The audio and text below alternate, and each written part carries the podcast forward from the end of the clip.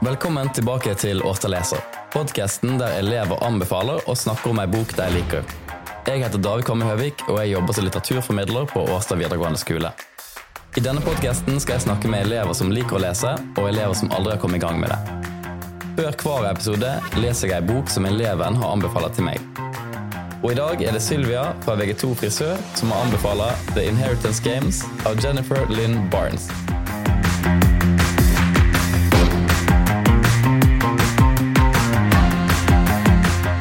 Velkommen, Sylvia. Takk, takk. Eh, vi begynner alltid podkasten her med å stille spørsmålet Hva er ditt forhold til lesing? Jeg er kjempeglad i å lese bøker generelt, men engelske bøker er min favoritt. Um, jeg leser mye i fritiden min, og jeg ser på en måte på det som en måte å komme seg litt vekk, da. Spesielt hvis det er mye som skjer og jeg blir litt stresset, så er det litt sånn deilig å avlaste med en bok, egentlig. Og så spesielt hvis jeg leser og hører på musikk, ellers så klarer jeg det ikke. Hva type musikk er det du hører på? da? Um, jeg har lagd en egen spilleliste for når jeg leser, men jeg har glemt den spillelisten helt og hører bare på vanlige sanger. Men spillelisten min består av veldig masse forskjellige sanger, så det kommer litt sånn heavy metal og rock, og så kommer det sånn kjempetriste sanger, og så er det litt innimellom. Hæ, jeg, jeg, jeg, nå, nå er det møte her å ta tak i, men eh, jeg skjønner ikke For eksempel det der med heavy metal. Hvordan klarer du å høre på heavy metal og samtidig få med deg hva som står i teksten? Um, musikken detter litt ut. Det er sånn, Jeg hører ikke helt på skrikingen, eller hva de synger eller roper, eller whatever. Det er mer sånn Bare for å blokkere verden rundt, føler jeg. Jeg fokuserer ikke så mye på musikken, for da begynner jeg bare å danse og synge, liksom. Så jeg må fokusere på boken.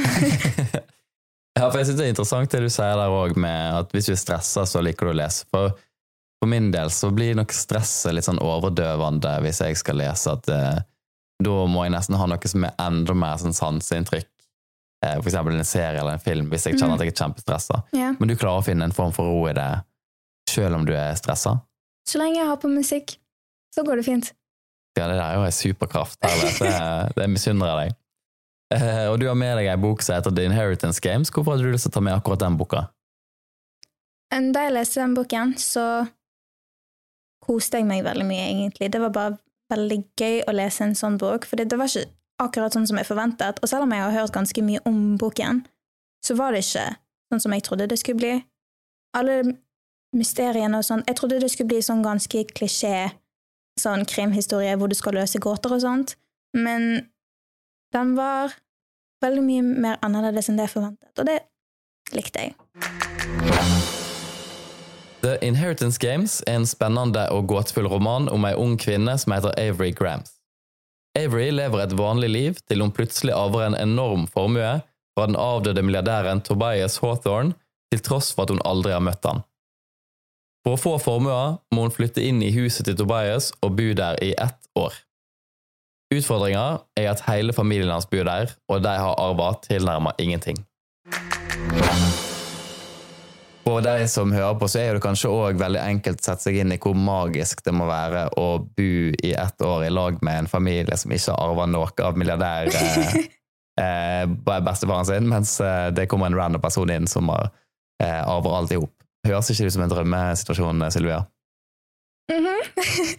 um, altså, nei. eh, Det virker litt som tortur. Jeg føler Hvis jeg var i situasjonen, så hadde jeg vært livredd, og jeg hadde hatt masse skyldfølelse. For jeg føler sjalusi kan føre til galskap, egentlig. Så å bo sammen med folk som er sint på deg eller sjalu på noen som helst måte, kan være truende for livet ditt, liksom. Mm. Og det er jo en skikkelig sånn her kamp her mellom eh, Avery, som kommer fra en sånn fattig bakgrunn, og disse rikingene som ikke kjenner til noe som helst annet eh, enn velstand. De har bodd i et kjempefint hus, de har gått på en dyr privatskole, de har fått absolutt alt de vil ha, eh, og så nå skal de plutselig ikke ha noe som helst. Eh, og så er det en tilfeldig person som de kan rette all den aggresjonen mot. da. Eh, men det er jo, sånn som jeg sier, så er det en bok om ekstrem rikdom, men vi ser jo òg litt av den fattigdommen i begynnelsen av boka. Eh, hvordan blir den fattigdommen beskrevet her? Eh, før Avery arver fra milliardæren, så er hun fattig, eh, og det er søsteren òg. De lever i en ganske liten leilighet, og av og til så bor er Avery i bilen. Hun ofrer skole for å jobbe mer og ta ekstraskift, og det blir forklart mye at da hun var liten med mammaen sin, så lekte de sånne leker som for eksempel um, når strømmen gikk, hvem som klarte å gjemme seg best, og Så det var liksom, de slet litt med å vokse opp, Mm. følte jeg. Mm. Akkurat det der eh, er jo en sånn klassisk erfaring kanskje med, for, for mennesker som er vokst opp i fattigdom, at foreldre blir nødt til å skjule litt av hvordan eh, realiteten faktisk er. Mm. Eh, At man må gjøre de liksom, virkelig triste tingene om til noe som er mer leikent. da. Ja. Eh, og den opplevelsen av fattigdom er kanskje noe som hun ikke tenker over før hun blir litt eldre, og hun legger jo absolutt merke til det mens hun er fattig i videregående åra, ja. men det blir kanskje enda mer tydelig når hun kommer inn i en så rik familie, eh, og plutselig så skal hun begynne på en privatskole der det kun er rike folk. Eh, har du lyst til å si litt om hvordan hun opplever det møtet med alle disse rike folka på skolen? Når hun begynner på skolen, så er det egentlig ingen som gir hun oppmerksomhet. Hun blir ikke møtt av masse rare blikk eller folk som mumler bak ryggen hennes. Hun bare begynner på skolen som om hun alltid har gått der. Hun synes det er rart, da, fordi at eh, timene deres er veldig rart basert. Det er sånn De har masse fritimer, eller så har de full skoledag hvor de nesten ikke har tid til lunsj, liksom. Så den delen føler jeg hun ikke er så glad i. Men hun har Hun møter på en, et par stykker på skolen da, som blir en del av mysteriene videre i boken, da. Mm. Mm. Og um, hun er jo definitivt påvirka av uh, sin egen bakgrunn. Kan du si litt om hvordan, det kommer til uttrykk? Det der med at hun er vant med å ikke ha så mye, kanskje, og vant med å eh, sette andre foran seg sjøl, og så plutselig så er hun i en posisjon der hun skal være superstjerne. Ja, uh, altså, det er jo et tidspunkt hvor hun trenger en hel makeover, på en måte, fordi at hennes uh, advokat mener at hun må stå foran pressen og snakke og sånne ting, og da skal hun liksom ha en look. Så folk kommer og gjør håret hennes, gjør sminken hennes og finner klærne hennes, og det er ikke hun så glad i. Og uh, i boken så, så finner vi også ut av at selv om hun har arvet kjempemasse penger, så bruker hun ingenting på seg sjøl. Det blir bare donert, eller um, gitt til andre folk. Hun bruker ikke noe penger sjøl, sikkert fordi hun ikke er vant til det, liksom. Hmm. Den ene karakteren eh, i boka, som er advokaten til Avery, sier at penger er makt. Eh, hvis du snur på det, så er jo det at penger, hvis du ikke har penger, så har du ikke makt.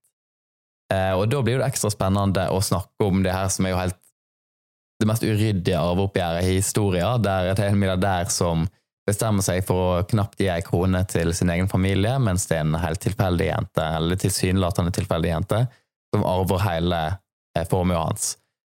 Hvordan eh, kan en eh, far og bestefar velge å ta fra barnebarna sine den makta, tror du?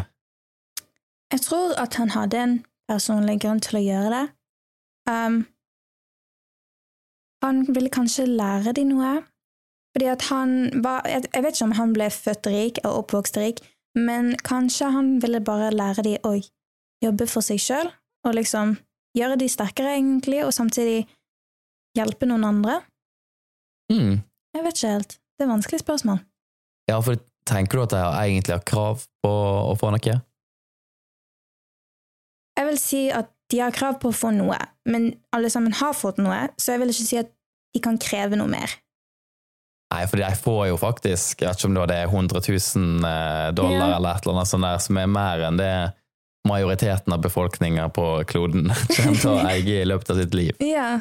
Eh, Så det er jo ikke kanskje Det, det er vanskelig å synes synd på. Ja, eh, de har ikke noe å klage på. det på. Samtidig så hadde jo jeg klikka sjøl hvis jeg hadde vært. Hvis jeg hadde vært i situasjonen der. Altså. ja, det forstår jeg. Eh, Men er det rettferdig at eh, Avery kan arve så mye ut av det blå? Jeg vil si det. Altså Hun ble jo på en måte lottomillionær. Hun Mm. bare Hun var egentlig tilsynelatende en veldig random person som plutselig fikk masse penger og ble bare rik ut av det blå. Eh, og jeg, hvis du tenker på hvordan hun har levd, så syns jeg at det er litt greit å hjelpe noen som sliter. Ja. Mm. Ja, det er jo en form for utjevning, eh, at du løfter opp en person som ikke har nok som helst med å ta fra deg som, eh, som har møtt litt sånn Robin Mhm. Hood-stil på det. Eh, Men eh, var det noen av karakterene i denne boka, for det er jo et veldig rikt persongalleri, var det noen av karakterene i denne boka som du kjente deg igjen i? Det var vel egentlig ingen jeg kjente meg igjen i. Mm. Sånn utseendemessig så vil jeg kanskje si at jeg liker Libby sin stil, og at jeg av og til kan kle meg litt som hun. Eh, Men personlighetsmessig så vil jeg si at alle andre i personligheten i boken har tar veldig mye mer plass enn det jeg gjør, så jeg vil ikke si det, nei. Ja, fordi Hvordan eh, tror du at du hadde vært i eh, et rom i lag med den der Hawthorne-slekta, for eksempel? Eh, um, jeg hadde nok vært veldig sjenert og tilbaketrukket. Um, fordi at de er veldig store mennesker og personligheter, så jeg ville nok prøvd å ta så lite plass som mulig. Ja, hvorfor det, da? Um, jeg vil tenke at det de har å si, virker veldig viktig i forhold til det jeg har å si, og deres nerve er egentlig bare veldig mye større og viktigere enn mitt. Så jeg tenker bare gjemme meg litt. Grann. Det er jo de verste folka jeg har lest om noe.